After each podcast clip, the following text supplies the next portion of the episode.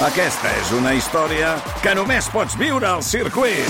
24, 25 i 26 de maig. Gran premi Monster Energy de MotoGP al circuit de Barcelona, Catalunya. Compra ja les teves entrades a circuit.cat. Viu-ho!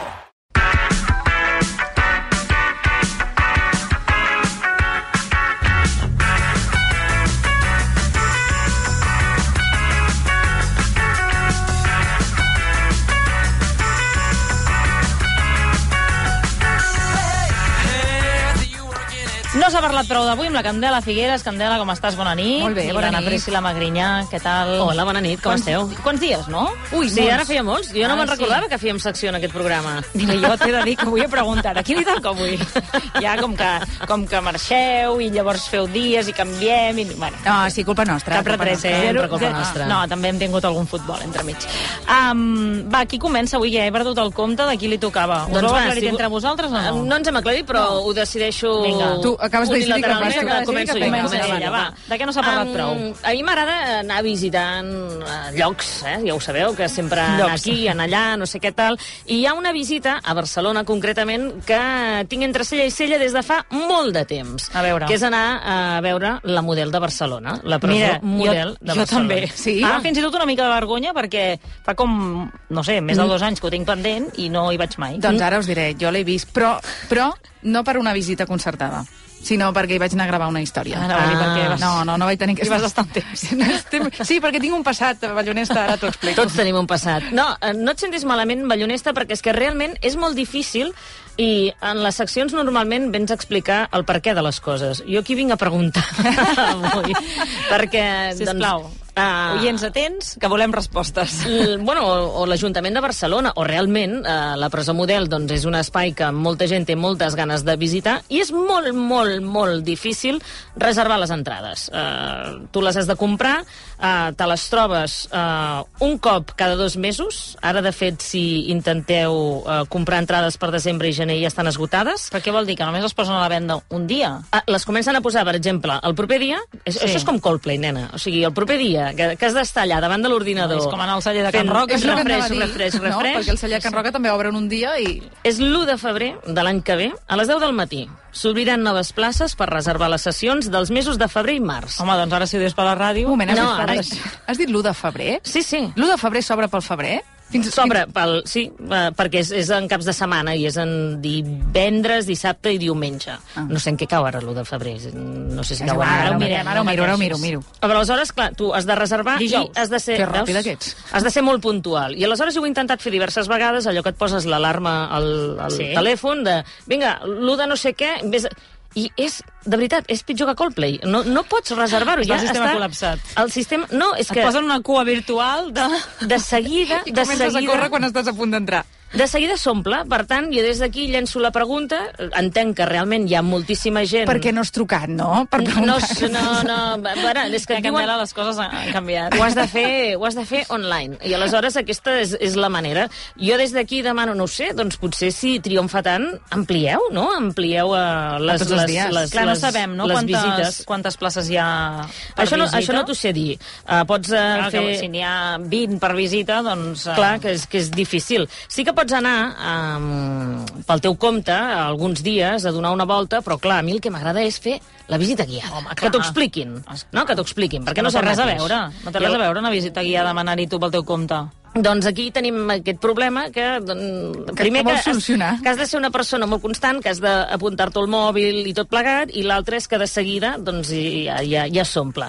Jo, mentrestant, per treure'm el coquet, doncs, eh, he estat llegint una miqueta so, sobre la Ah, model. ja m'estranyava a mi. Que, que es quedés aquí. clar, no, no, no, no rescat tinc la resposta al, al per què A veure si la visita guiada la faràs tu al final. Mira, Però- doncs, si és la manera que em Però deixin poder toms, entrar... donant toms per fora, perquè no hi podràs entrar. Clar, no hi podré entrar. La presó model de Barcelona es deia d'origen, amigues meves, eh, presó cel·lular de Barcelona. I per què es deia així? Perquè es tractava de la primera presó catalana amb cel·les. A Vitoria, al País Basc, ja se n'havia instal·lat una feia força anys, el 1861. Aquí es va inaugurar, tot i que en- encara no estava acabada el 1904.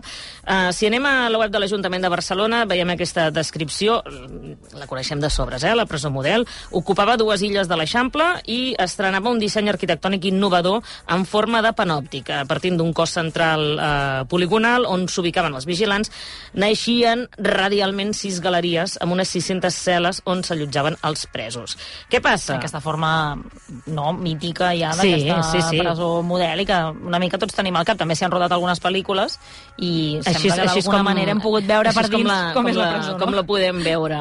Um, uh, representava, uh, segons uh, ens recorda l'historiador Joan de Déu Domènec, que les autoritats van presentar aquesta presó, aquesta presó cel·lular de Barcelona, com un model a seguir, per distingir-la de les anteriors, perquè en les anteriors la gent doncs, s'apilotonava a muntegades. Aleshores, aquesta era cadascú tindrà la seva cel·la i serà una presó model. I l'adjectiu va fer fortuna, aleshores es va oblidar el nom aquest eh, original, la presó cel·lular de Barcelona, Home, és més fàcil la model. Sí, i es va conèixer com a, com a presó model. Fins al segle XIX, això que dèiem, eh, els centres penitenciaris havien seguit el règim d'aglomeració i un exemple el trobem al, al Raval de, de Barcelona, la presó de la reina Amàlia, que s'havia inaugurat el 1839, eh, és a l'actual plaça Folc i Torres, eh, per, mm, si us voleu situar molt a tocar de, del, del paral·lel.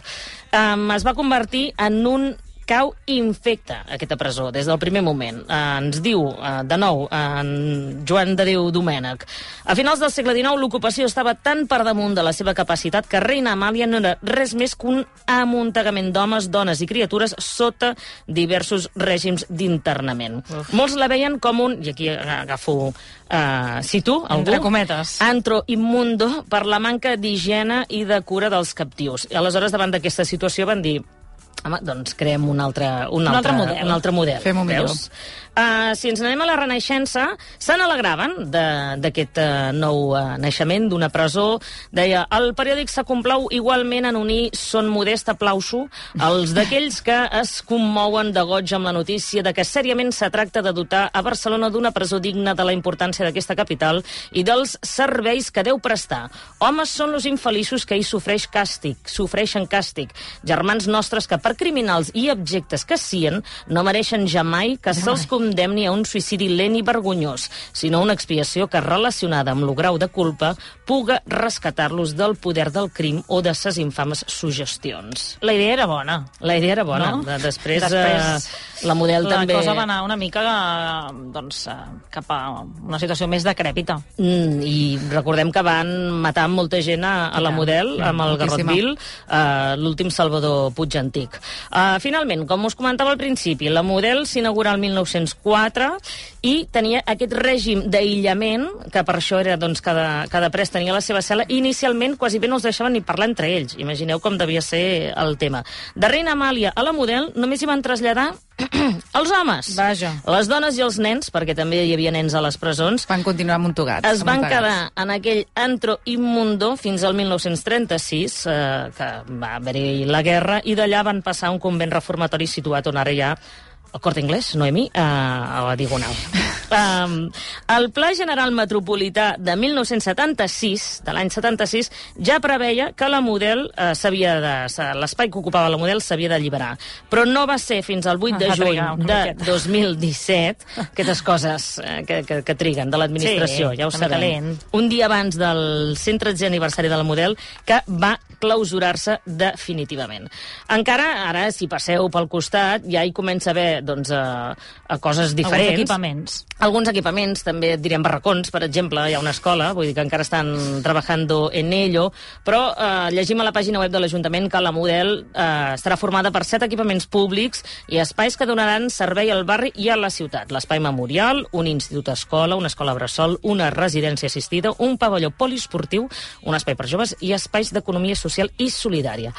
Um, Si no. són les mateixes previsions que tenien de tancar la presó el 76 i que finalment va ser el 2017, doncs eh, la Anem cosa bé. va per llarg, eh? Jo, jo hi vaig viure, eh, prop de la model, els últims Ah, anys. a veure, Candela, com, de debò. com, com, van formules eh? les frases? Com formules les Bé, frases? Doncs creant un bon hype, no? No, dic que jo hi vaig viure els últims anys abans de que, de que tanqués i realment sorprèn eh, doncs, tenir una, una presó al costat de casa, veure el règim de visites, veure la gent esperant fora i dius, clar, és, generalment les presons no estan dins de la ciutat. Clar, que no, no, ben I era bé. quan ja s'estava fent la de la zona franca. Clar, no, i realment, la, perdona, Anna, la, la model, quan es va fer l'Eixample en aquella zona, No no, no, no, hi havia, no, No hi hi havia havia. gairebé res. No, i que hi ha aquell cas d'aquells uh, mafiosos, que ara no recordo ben bé, però que van assassinar a un pres eh, apuntant-lo des d'un dels edificis Del del costat, no. perquè des dels pisos hi havia contacte i fins i tot a vegades Sí, eh, els presos cridaven als veïns que estaven a, a casa seva. I motins, i mira, si, Exacte. si voleu fer una, mi- una mica de, de vidilla per allà, heu d'anar al bar de davant de la Model, que allà els presos que tenien algú de, de caler grau. Podien demanar un menú allà i no menjar el de la Model, que allí tenen una història llarga, llarga per Doncs explicar. mira, mentre no aconseguim entrades, el que podem fer és anar, És anar al bar del bar i escoltar les anècdotes. doncs no estaria mal, eh? Va, de què més no s'ha parlat prou, Candela? De les voltes que va donar el cadàver de Vita Perón. Carai, tu, avui teniu uns temes que... Oh, Déu-n'hi-do, com m'agrada eh? aquesta cançó, Neito, però... po- po- Posa-la... La Madonna Valenta, vull dir, té un increscendo. Posa-la al momentasso. Don't cry for me, Argentina. Jo aquí estava plorant com una magdalena. Um, la veritat és que tothom coneix qui va ser Vita Perón, però pocs saben els viatges que va arribar a fer al seu cos abans de ser enterrat en el cementiri de la Recoleta de Buenos Aires, que és on descansa actualment. Així que jo avui intentaré explicar-vos de forma resumida aquest viatge, perquè us prometo que és molt difícil. Va donar més toms que Willy Fogg. Vull dir que farem, farem el que pugui. Evita Perón va morir el 26 de juny del 52 d'un càncer d'ovaris, tenia 33 anys, i en aquell moment el seu marit, acaba, el general Perón, acabava de ser reelegit president d'Argentina i va ordenar embalsamar el cos d'Evita Perón. No se sap si per mantenir el seu mite, per si mantenir el contacte amb les classes treballadores, si, si per amor o devoció, però el cas és que ho va fer i va cridar un embalsamador espanyol que era el millor de l'època, que es deia Pedro Ara. Manteniu aquest nom a la vostra memòria. D'acord. Vale? No, de moment no em sona, però apuntat. Però bueno, apuntat No el està. tens a l'agenda de no el tens a contactes, no? contactes, No, no? um, L'idea de Perón era I més embalsamar... enllà del doctor Bardalet no conec més. És important, és important. És important. Sí, que no sí. necessitis el Bardalet. Bueno, també és pediatre, per tant Sí, això va sí, bé. Això sí, va Mai bé. saps en quin moment de la vida el pots necessitar, no? Bé, la idea de Perón era embalsamar el cos i enterrar-lo en un panteó construït especialment per l'ocasió, i al cap d'un any el Pedro Ara ja tenia el cos embalsamat, però el panteó no estava acabat. Així que va decidir guardar el cos a la seu de la CGT, a la principal central sindical d'Argentina, que és on havia fet tots els treballs de- d'embalsamatge del cos. Un cos que va quedar, vull dir que tu el veies i, i, i era perfecte. Semblava una nina de cera, però tothom diu que És realment... que no o sigui, Madame Tussauds, eh? Estem parlant no de m'ha Madame agradat imaginar-me-la. Doncs, doncs, eh, imagina't. Doncs va quedar imagina't. bé. Bé, el panteó, però, eh, que us he dit, va estar un any embalsamant el cos, però el panteó encara no estava acabat. Dius, quin panteó estava fent? Doncs estava fent un monument de 140 metres d'alçada, coronat per una estàtua de màrbol gegant d'un treballador, i a dins hi, hi havia una cripta, vull dir que tampoc era cosa fàcil fer, fer aquest monument. Però bé, mentre s'estava construint el panteó i quan ja havien passat 3 anys de la mort d'Evita, hi ha un cop d'estat militar i però Perón, però, eh, jo ja el tradueixo, mm. Perón s'ha d'exiliar. I aquí és on comença el rosari de l'Aurora pel cos embalsamant d'Evita Ai. Perón, perquè el nou govern odia tot allò que faci olor a peronisme, i especialment a la figura d'Evita Perón i les masses obreres que arrossegava. Així que, quan entren a la seu de la CGT i troben a Pedro Ara, allà, amb el, amb el cos... Encara fent treballant, fent Bueno, tasques és que era de... Amb un seva- davantal, no, devia no, estar amb un davantal, no, treballant era- amb era- xerinques i tal. Era la seva obra d'art i estava allà al costat. Ella estava esperant una mica... Sí, Mira, vull dir... he, he posat... Bueno, que, has vist clar, el no, cos? que si ho busques, doncs ho, trobes, saps? No, no, sí, Vull sí. dir, hi ha però- imatges Amb un Google, de- vull dir, es troba... d'aquest fet. Mm Doncs eh, van trobar el cos embalsamat, que semblava això que els dic, una nina cera, eh, que se Una suposava... mica d'angúnia, sincerament. A mi em recorda Franco, eh? Aquí, embalsamada, t'ho dic de veritat, una mica. I era molt més jove, tenia 33 anys, aquí només. Aquí amb els estris, eh? Sí. El, el, com es deia? La Pedro Ara. Ara. El Pedro Ara. Doncs bé, eh, el primer que fan quan, quan entren a la seu de la CGT eh, és a- gairebé que els agafa un ictus mm. del susto i després diuen a veure si realment és Evita. Uh, perquè, què? per, perquè ells eh, pensaven que, que el cos d'Evita estava enterrat i que o sigui, els hi sobta molt, no sabien que s'havia fet embalsamar. I aleshores... I tot el Jordi Nieto ha vingut Ha aquí a vingut- ha l'ordinador a a veure, veure. Sí. la imatge de, de, del cos embalsamat, jo, eh? en un primer moment no l'he vist pel meu darrere, dic, està entrant el Pedro ara aquí de sobte. No? no. L'esperit de Pedro. Bueno, aleshores el que fan és, si realment és Evita, és el cos d'Evita, l'hem de fer desaparèixer, així que li, primer el que necessiten saber si ho és, li analitzen, li tallen un dit, li tallen també un tros d'orella, ho analitzen els metges i diuen sí, efectivament és ella. Ah, llavors, la intenció és donar-li en principi una sepultura cristiana de forma completament clandestina, important el tema del secretisme perquè creien que si la resistència peronista sabia que el cos d'Evita estava embalsamat i podrien com avivar les brases, eh, però el cap del servei de la intel·ligència de l'exèrcit, un tal Carlos Mori, eh, decideix obeir les ordres del nou president de facto, que és eh, Pedro Genio Aramburu, i en comptes de donar-li una sepultura clandestina i cristiana, que és com havien demanat, eh, carrega el cos de Vita en una furgoneta i Ai. comença a donar toms per Argentina fins que l'amaga a les esgolfes de- d'un dels seus subordinats. Mm. Perquè no, no, I tu quin lloc... Ara tinc una pregunta... No, clar, quan, no, ara és, era una pregunta estúpida. Quan tu embalsames un No cos, precisament no, no necessites, clar, Exacte. per això l'embalsames. Clar, no, no. Sí, sí. Llavors, uh, clar, guardar un cos d'un mite polític, però és igual, guardar un cos, però uh, a casa teva no deu ser cosa fàcil. Ni agradable, Ni agradable. m'atreviria a dir. Així que una nit, el pobre subordinat, sent sorolls a casa seva, es pensa que és la resistència peronista que, que han descobert que allà a dins hi amaga el cos i que venen doncs, a, a matar-lo amb ell i a emportar-se el cadàver, i el tio dispara a la foscor. Total, que mata la seva dona d'accident. Això és una mica pistorius, eh? És, és, és, um, sí. No Després, sé si ben bé el mateix, però, però, vaja. però sí que realment és molt rocambolès tot plegat. Després del tràgic succés, el cap del servei d'intel·ligència, el Carlos Mori, recupera el cadàver, diu, escolta, és to, to, el torno a agafar jo, el que l'havia portat per una furgoneta per Buenos Aires, el torna a recuperar, i el porta a l'oficina on treballa i el deixa allà guardat dins d'una capsa de ràdio... No m'està no m'està agradant gaire aquest tema, t'he de dir. Doncs jo el vaig trobar Perquè al·lucinant. com visualitzant molt, eh? Tu visualitzant-te, donant toms per... No, no, visualitzant el tema. Ah, vale, sí, vale. sí. Però bé, el, total, que el Carlos Mori comença a embogir amb el cos d'Evita i el va ensenyant a persones properes com si fos un trofeu, fins que l'assenya algú que no toca i aquest algú es xiva el president Aramburu i li diu, escolta'm, eh, no va ser mai enterrat encara de forma clandestina i aquest tio l'està ensenyant. Aleshores, el Aramburu el destitueix de forma immediata i el que fa és encarregar-li amb un altre coronel super antiperonista doncs, que faci factible el fet d'enterrar-la clandestinament en el Ara país. sí, no? Ara sí, de dir, Vinga. prou, deixem-lo de remenar.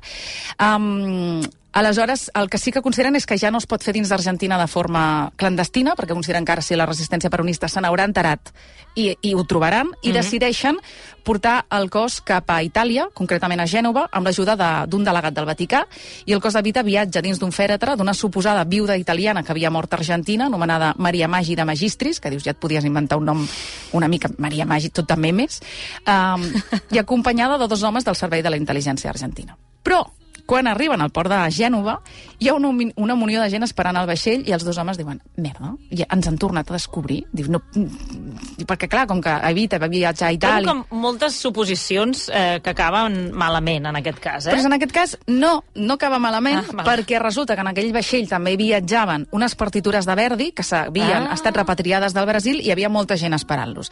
De, de manera que el, aquell esglai inicial de ens han enxampat No era res. no va passar No era res. per eh, el cos de Vita, sinó que era per Verdi. Era per Verdi. Total, que finalment el fèretre ara sí és traslladat al cementiri de Milà, on s'hi està 14 anys mm. enterrat. És un primer enterrament, però espereu, mm. espereu. Uh, I es contracta, de fet, una religiosa que li vagi portar flors, que mai sap a qui li porta realment flors a la religiosa, però sempre hi ha flors en, en aquella... Ella obeeix la tasca i... I ho fa. Ella és una senyora que si li paguen, ella hi va. Fins que l'any 1970, un grup armat del peronisme mata el president Aramburu i el nou president militar del país, per frenar la crisi que hi ha d'estat, posa en marxa un nou acord d'estat que inclou l'expresident Perón Mhm. i també retorna el cos de Vita com a símbol de bona voluntat de dir-li sabem que eh, eh, tu vas embalsamar la teva dona i està donant toms pel món, te la tornem com a símbol de bona voluntat. Mare Així que, meva. al setembre del 71, comença l'operació Retorno, portava aquest nom, tampoc s'ho van treballar massa, i traslladen el cos de ce- del cementiri de Milà a Madrid per carretera, perquè és on eh, Perón meva. estava exiliat, que estava a Madrid. Al 73, Perón torna a l'Argentina, i guanya les eleccions, però, oh sorpresa, el cadàver de Vita es queda a Madrid, perquè aleshores eh, Perón ja estava casat amb la seva tercera dona, una tal Isabel, que no volia saber res de Vita. De fet, creia... Ni morta, eh? Ni morta, perquè creia que el seu fantasma fins i tot eh, podia, la podia superar política, vull dir, tenia una, una obsessió amb aquesta figura. Doncs mira, una mica sí, perquè tothom sap qui és Evita Perón i en canvi ningú sap qui és aquesta tal Isabel, vull dir que... No, no, és que clar, però eh, al cap de poc temps què passa? Doncs eh, mor Perón, també, i sense Perón la pressió pel retorn del cos de Vita eh, augmenta, augmenta. Eh, augmenta tant que els grups de paramilitars peronistes que havien assassinat l'expresident Aramburu, si no Mhm. recordeu, segresta ara el cadàver d'Aramburu del cementiri i diuen que no el retornaran fins que Vita no torni finalment... Un intercanvi de cadàvers. Sí, o sigui, l'Aramburu, que és el president, el president que decideix que Evita se'n vagi a Itàlia, és el seu cadàver és el que fa ui, que torni. Mira, a mi que em cremin, tu. Menys fàcil. feina, menys feina. Bé, aleshores Isabel sí, decideix, ara sí, mm, saps què, portem el cos de Vita cap a Argentina i torna finalment al novembre del 74. Llavors Isabel què fa? Vol aleshores eh, fer un altre mausoleu amb el cos de Perón, del seu exhome, amb el cos de Vita i també amb els alts càrrecs argentins Aquesta gent així una mica dictadora sempre amb ganes de mausoleus, eh? Sí, eh? Sí. Per favor. Però tampoc s'acaba fent el mausoleu, perquè al cap de dos anys hi ha un altre cop d'estat, el del general Videla. I clar, Videla diu, saps què? Per, a, aquest festival del, del cos de Vita jo crec que ja hauria d'anar acabant, que ja porta molt de temps. Estic al·lucinant una mica, eh? Sí, és que va ser, eh, en concret, va viatjar pel món 24 anys, de l'any 52 al 76, va, abans de ser enterrat. No li calia passaport, eh, per això? No, no, no, ella no, perquè, perquè era un Exacte, perquè tenia molts punts d'Ibèria, diu el Nieto. Total, que uh, van tornar el cos a la família, el general Videla va tornar el cos a la família, va dir, "Mm, enterreu-lo vosaltres, doneu-li la sepultura que toca, i la família és que finalment li dona sepultura al panteó familiar que tenen al cementiri de Recoletos de Buenos Aires, que és on està enterrat. Segur? Eh, En principi, Perquè, clar, a veure, jo no ho he vist. vés a saber. No, no sé si donen visites com a, com a la model i tarden de visitar, però no, en- ara en sèrio, molta gent va visitar aquí el, el cos d'Evita Perón, vull dir, en- se suposa que sí, que ara hi ha de ser. No I a més a més, amb el semat intacte, intacte com veus a la Sí, fotografia. ja he tret les fotografies, perquè les- tenir-les ja no les- aquí tota l'estona a la pantalla, doncs ara m'havien començat a inquietar una mica. Mira, veure-les... De, Va vestida de vegada blanc, encara. va vestida de Però blanc, sí. imaginant-me tota, aquest, eh, tota aquesta odissea que va haver de fer per tornar a l'Argentina, Tam doncs no... També és veritat que com que li van analitzar mm, parts del cos... Dit i l'orella, sí. Eh, No, no us ho he explicat, però quan va arribar a Madrid, la, el Perón se la mira i diu, li falten algunes coses. Però estava bastant bé. Vull dir, és com una, és com una nina que porta molts anys a, per casa teva a les esgolfes i al final dius... Mm, eh, És que, a veure, potser el concepte d'embalsamar... Mm, Ja no es porta, no sé ja no, si ja no s'acaba de portar. Vull dir, Tenim- és com no voler mm, deixar que aquella persona, no? voler mantenir alguna cosa física que realment... Però també, Lenin, també, se li, també se li va fer Dalí. Fins al Bardalet, que tu comentaves, Sí, si clar, aquí sí, van sí, passar sí, sí, sí, sí, A veure, sí. la, els mites, la gent important, doncs no ho sé, hi ha una cosa per tenir-los allà present que dius, és el que tu dius, deixa'ls deixa Ja, anar. per això, que Incineració, com diu la ballonesta. Exacte. Incineració. Ja està, tot més fàcil. Més fàcil. Bueno, després també és veritat que si hi ha l'has gent de que... també. Però hi ha gent que les, que les cendres després no sap què fer-ne i també van amunt i avall, I són un eh? problema, eh? un Perquè ens Contaminen. pensem que podem llançar-les a l'aigua qualsevol lloc i no, eh? Ja, és un altre ja- tema, això, eh? També un altre dia. Pel proper dia. En fi, Candela Figueres, Ana Priscila Magrinyà, moltíssimes gràcies. Que vagi Ens veiem d'aquí a, a uns dies.